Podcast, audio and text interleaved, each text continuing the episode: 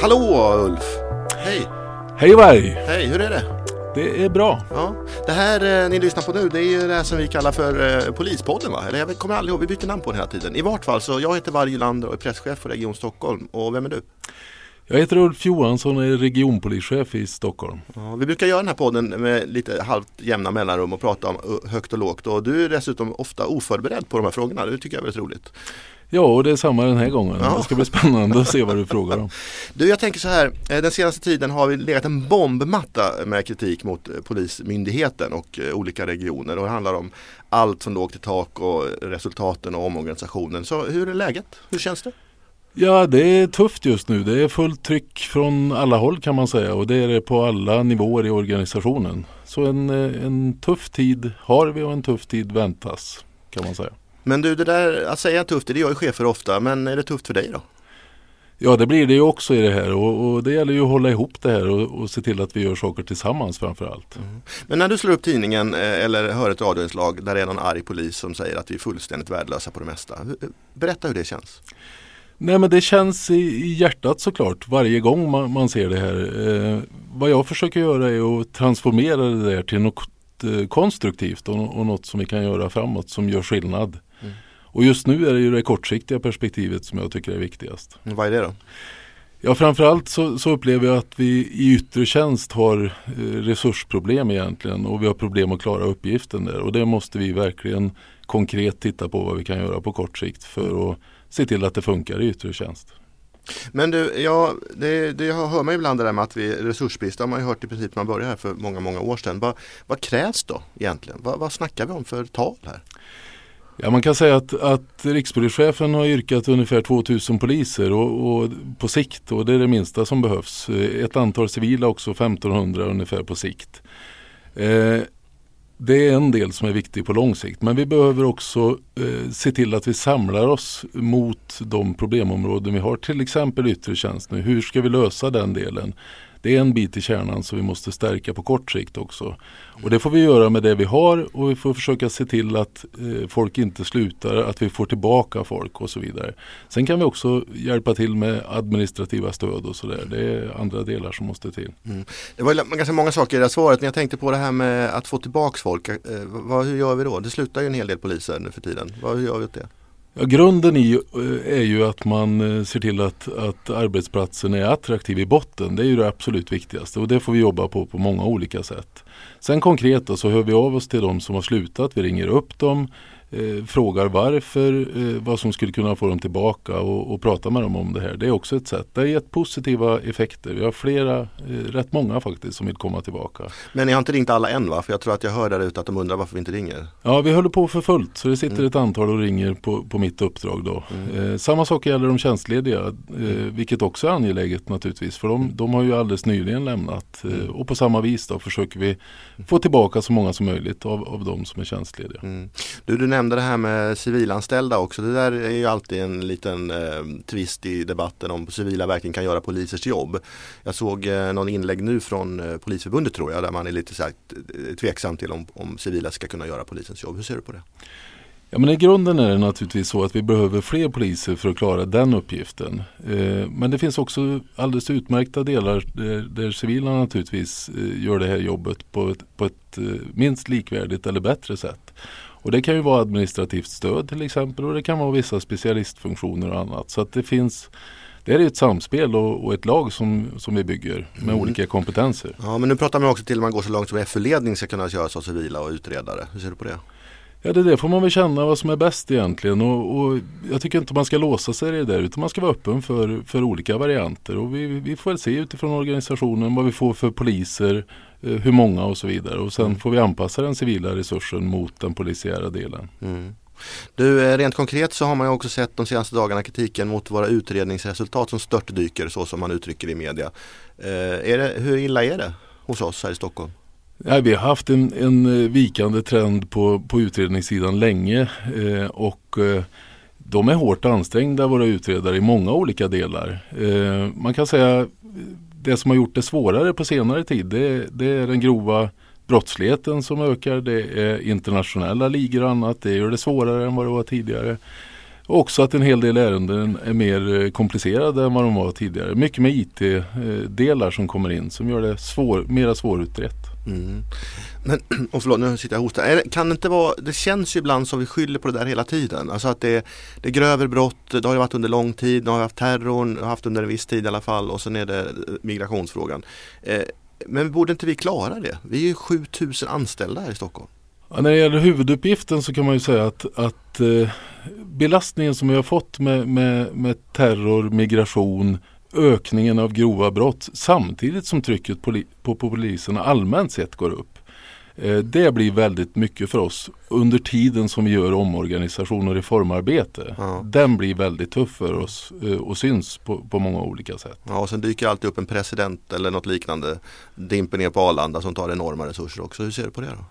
Ja, och det är något vi ska hantera särskilt i huvudstaden samtidigt. Vi har också fotbollsmatcher och annat som ska hanteras. Så att, eh, sammanfattningsvis kan man väl säga att just nu är kostymen för, för eh, stor för oss. Vi har, vi har, en för stor uppgift kontra den numerär vi har. Och då finns det två delar. Det ena är långsiktigt, fylla på, där ligger det yrkande ute. Och sen gäller det att vi tillsammans gör det bästa med den resurs vi har då. Och då är det med inriktning på kärnverksamheten. Yttre poliser, och utredningsdelar där det är väldigt jobbigt. Det är de vi måste lösa ut nu på, på kort sikt. Mm, på lång sikt kommer vi klara det här då? Är, om du tittar lite längre fram, eh, hur kommer det gå för oss? Ja, vi kommer att klara det här naturligtvis och vi ska göra det tillsammans. Men, men det blir en tuff period. Vi är inne i en tuff period. Vi har varit i, eh, vi har, är hårt ansträngda redan innan men, men fram till valet 2018 kommer vi ha fullt upp med att sätta den här organisationen. Mm Eh, och då är det viktigt att vi lyssnar på varandra, vi, vi gör det tillsammans. Det tycker jag är det absolut viktigaste. Du, du brukar ju säga det där med att göra det tillsammans och lyssna på varandra och eh, många tror jag faktiskt uppfattar, inte bara det du säger, som tomma ord. Det är ju så att kritiken mot polisen och polisledningen är ju att ingen lyssnar, ingen gör något, ingen tas på allvar. Det hör man ju varenda dag om man ser debattartiklar och allting. Menar du verkligen att man lyssnar och hur gör man det i så fall? Ja, jag menar att vi lyssnar och att vi har en bra bild. Det, det jag förstår att man får problem med ute på olika sätt det, det, är att antalet konkreta åtgärder som det här resulterar i, för det är det vi mäts på naturligtvis. Eh, vad kommer det ut konkret på kort sikt? Eh, de långsiktiga är en sak, men vad kommer ut konkret? Och där har vi en, en sak som vi måste eh, verkligen koncentrera oss på nu. Vad är pudens kärna i, det här, i den problematik vi har och hur fast, kan vi kortsiktigt här mm, nu få till fast, åtgärder som märks? ja, fast det är ändå lite för luddigt det där Ulf. Alltså, vad, vad gör vi för att lyssna på medarbetarna och hur tar vi hand om det? Hur går det till? Ja, jag är ute i verksamheten så mycket jag kan. Jag läser sociala medier, jag pratar med alla jag möter och, och det ger en bild.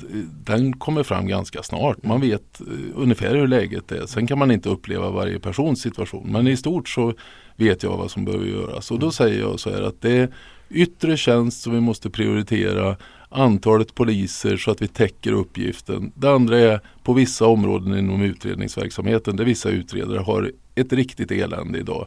De måste vi också se till att hjälpa på kort sikt. Mm. Och då är det konkreta åtgärder som måste till och där måste vi som ledning nu se till inte bara att vi vet vad det är som ska göras utan också att det händer något i det korta perspektivet. Och det, det är mitt ansvar och det är ledningsgruppens ansvar. Mm. Har du någon förståelse för den, i alla fall den kritik som kommer mot, mot polisorganisationer och ledningen där ute. För det, jag kan säga, det mullrar ju. Det är inte så att det är inte en lätt kritik. Det är väldigt, väldigt tung. Har du förståelse för någon del av det där? Ja, men jag har stor förståelse. För man mäter ju naturligtvis i det man ser i konkreta åtgärder. Och blir man färre och färre och ser att situationen blir värre och värre så, så är det ju naturligtvis en situation som blir ohållbar för den enskilde. Men det är därför jag menar att sätter vi dem i fokus eh, och, och, just kärnverksamheten med yttre verksamhet och utredning i fokus. Mm då kan vi gå i mål med det här. Eh, det är enda vägen egentligen fram i det här. Mm. Ni som kommer in och lyssnar nu, eh, ni lyssnar på en podd här med regionpolischefen Ulf Johansson i Stockholm och mig Varje Land som är presschef i samma region. Vi sitter här och pratar lite om utredningsresultat och förtroendet för polisen. Jag tänkte gå över till, eh, du nämnde lite det här med grova brott och det. Vi har ju, har, vet du hur många mord vi utreder i Stockholm just nu? Ja, just nu utreder vi ungefär 40 mord eh, och vi har ungefär 70 mordförsök som vi utreder samtidigt. Jag tror faktiskt att det är 45, det dök upp ett till här för några dagar sedan. Några till. Eh, 45 pågående mordutredningar och då räknar vi inte de kalla fallen för de är också ganska många. Eh, har vi haft så många, vet du det? Har vi haft så många pågående mordutredningar någon gång tidigare? Nej, jag kan nog säga att vi aldrig har haft det utan det trycket som är på grova brott då, eh, är större än någonsin och det, det kostar ju naturligtvis resurser.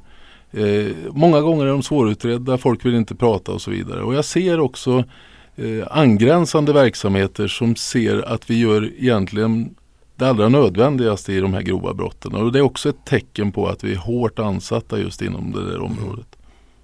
Du, har du någon uppfattning, eh, du, du har, har, du säkert om vad det är för typ, det har ju förändrats brottsligheten när det gäller grova brott. Vad är det vi ser för mord, eh, vad är det för mord vi utreder här egentligen?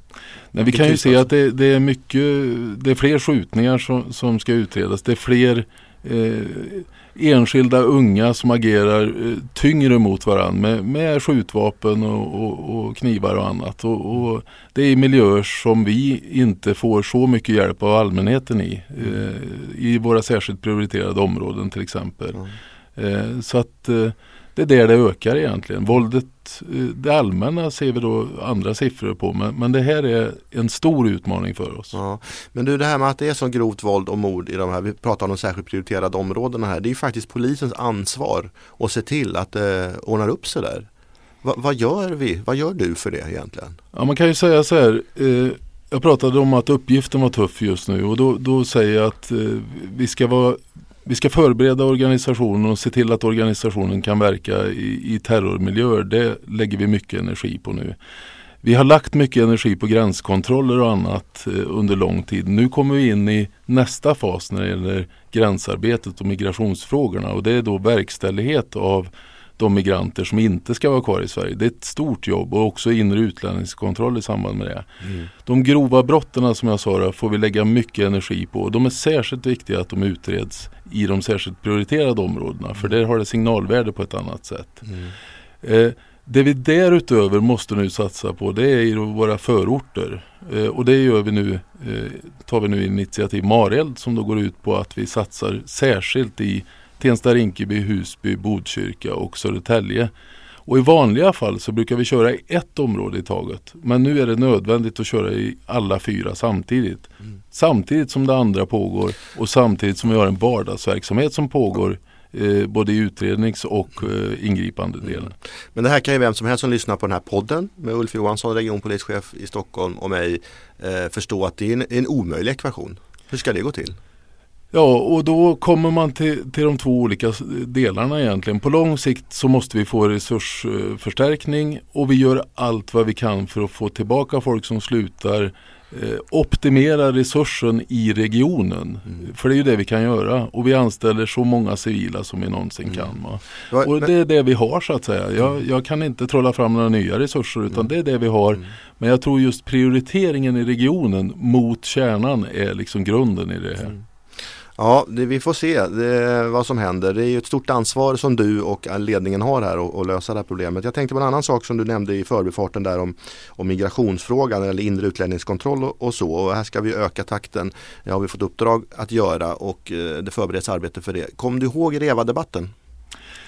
Ja, jag kommer ihåg den tydligt. Mycket kritik mot polisen för att, att vi eh, gjorde vårt eh, jobb egentligen kan man säga. Men eh, och nu gör vi det ännu mer. Hur ska det gå tror du? Ja, det, det är en väldigt stark politisk signal eh, i att det här ska genomföras. Det ska ändå genomföras, tycker jag, då, med, med sunt förnuft och, och, och proportionalitet såklart. Och vi kommer också naturligtvis få väga migrationsinsatsen mot allt annat arbete som jag nu eh, drog upp. Förortssatsningarna och inte minst eh, vardagsverksamheten i, i yttre tjänst och annat. Så vi kommer att få balansera det här på olika sätt. Mm. Du, vi pratar ju, när vi är inne på det här, det kommer också kräva eh, mycket stora resurser och du pratar ju prioriteringar, det gör vi ofta. Det är ju en av polisens eh, eviga eh, uppdrag att prioritera de resurser man har. Vad hamnar längst ner på den där listan egentligen? Vad är det vi inte ska göra?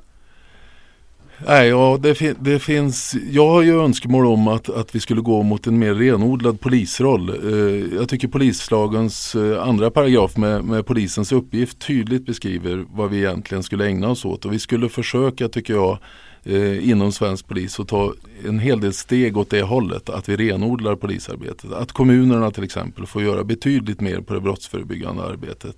Jätteviktigt. Att andra aktörer, kriminalvård, Eh, ja, andra samverkanspartner får ta en hel del av polisens eh, eh, om vi kallar mindre prioriterade uppgifter. Det är en sak som är otroligt viktig och den, den tror jag man måste få upp på politisk nivå så man börjar renodla polisarbetet om resursen inte stärks väsentligt. Mm. Fast det där är ju framtiden vi pratar om lite grann och det kommer ju ta tid att få den, till den förändringen. Jag tänker på nu, eh, extremt ansträngt läge, hög, eh, utredningsresultaten sjunker. Vem, vilka brott är det som, som, eh, som inte kommer att tas om hand helt enkelt? Man kan säga det, det vi eh, det som blir en naturlig följd av det här det blir att det brottsförebyggande arbetet blir eh, betydligt lägre än vad det borde vara. Och det andra är att mängdbrotten hanteras eh, på ett sätt som vi inte önskar. Mm. Men, det, det, är de två effekterna som, som blir av det här. För de, för de som lyssnar på den här podden, så eh, mängdbrott, eh, vad är det för någonting? Ja det kan vara inbrott, eh, det kan vara misshandelsfall av enklare beskaffenhet, ja, den typen skadegörelse och så vidare. Mm. Det, där blir det minimalt med utredningsresurser mot under en sån här prioritering kan man säga. Mm. Kan du förstå att det är väldigt provocerande där ute när, man, när, man, när vi faktiskt säger, har kommit så långt som vi nu säger att vi kommer inte klara alla den här typen av brottslighet. Jo men det är klart det är provocerande och om vi tar det brottsförebyggande arbetet det är ju ungdomar och narkotika och annat. Eh, det, det är brott, ett inbrott till exempel otroligt viktigt för den enskilde. Men, men vi måste vara tydliga med att, att det här är effekten när vi är så hårt ansatta som vi är just nu. Eh, och, och då, det är vad vi kan göra just nu. Vi ska göra vårt bästa i alla fall men det blir effekter av det. Mm. Och, och, vi kan inte påstå att det inte skulle bli effekter i det här läget. Det, det vore förödande för trovärdigheten. Hej ni som har kommit in lite sent i den här podden. Det här är regionpolischef Ulf Johansson som jag intervjuar och jag heter Varje Lander och är presschef i den här, i den här regionen. Uh, Ulf, eh, tiden rinner. Det är alltid roligt att prata med dig och vi börjar närma oss slutet på den här uh, podden. Så jag tänkte be dig uh, säga någonting till de som jobbar där ute. Ja, jag skulle säga att vi ser eh, våra medarbetare, vi ser de problem som är och det är oerhört tufft nu och vi gör allt vad vi kan nu för att stötta det på bästa sätt. Jag tycker de två viktigaste frågorna är eh, att se till att vi har en numerär som är tillräcklig eh, så att vi kan jobba. Den andra biten är lön, villkor, arbetsmiljö. De där ska vi jobba stenhårt med och vi ska försöka stötta så mycket vi kan för att vi tillsammans kan ta oss vidare i det här. Tack för det Ulf Johansson. Slut för idag. Vi hörs om någon månad eller så. Tack så Det gör vi. Tack Hej. så mycket.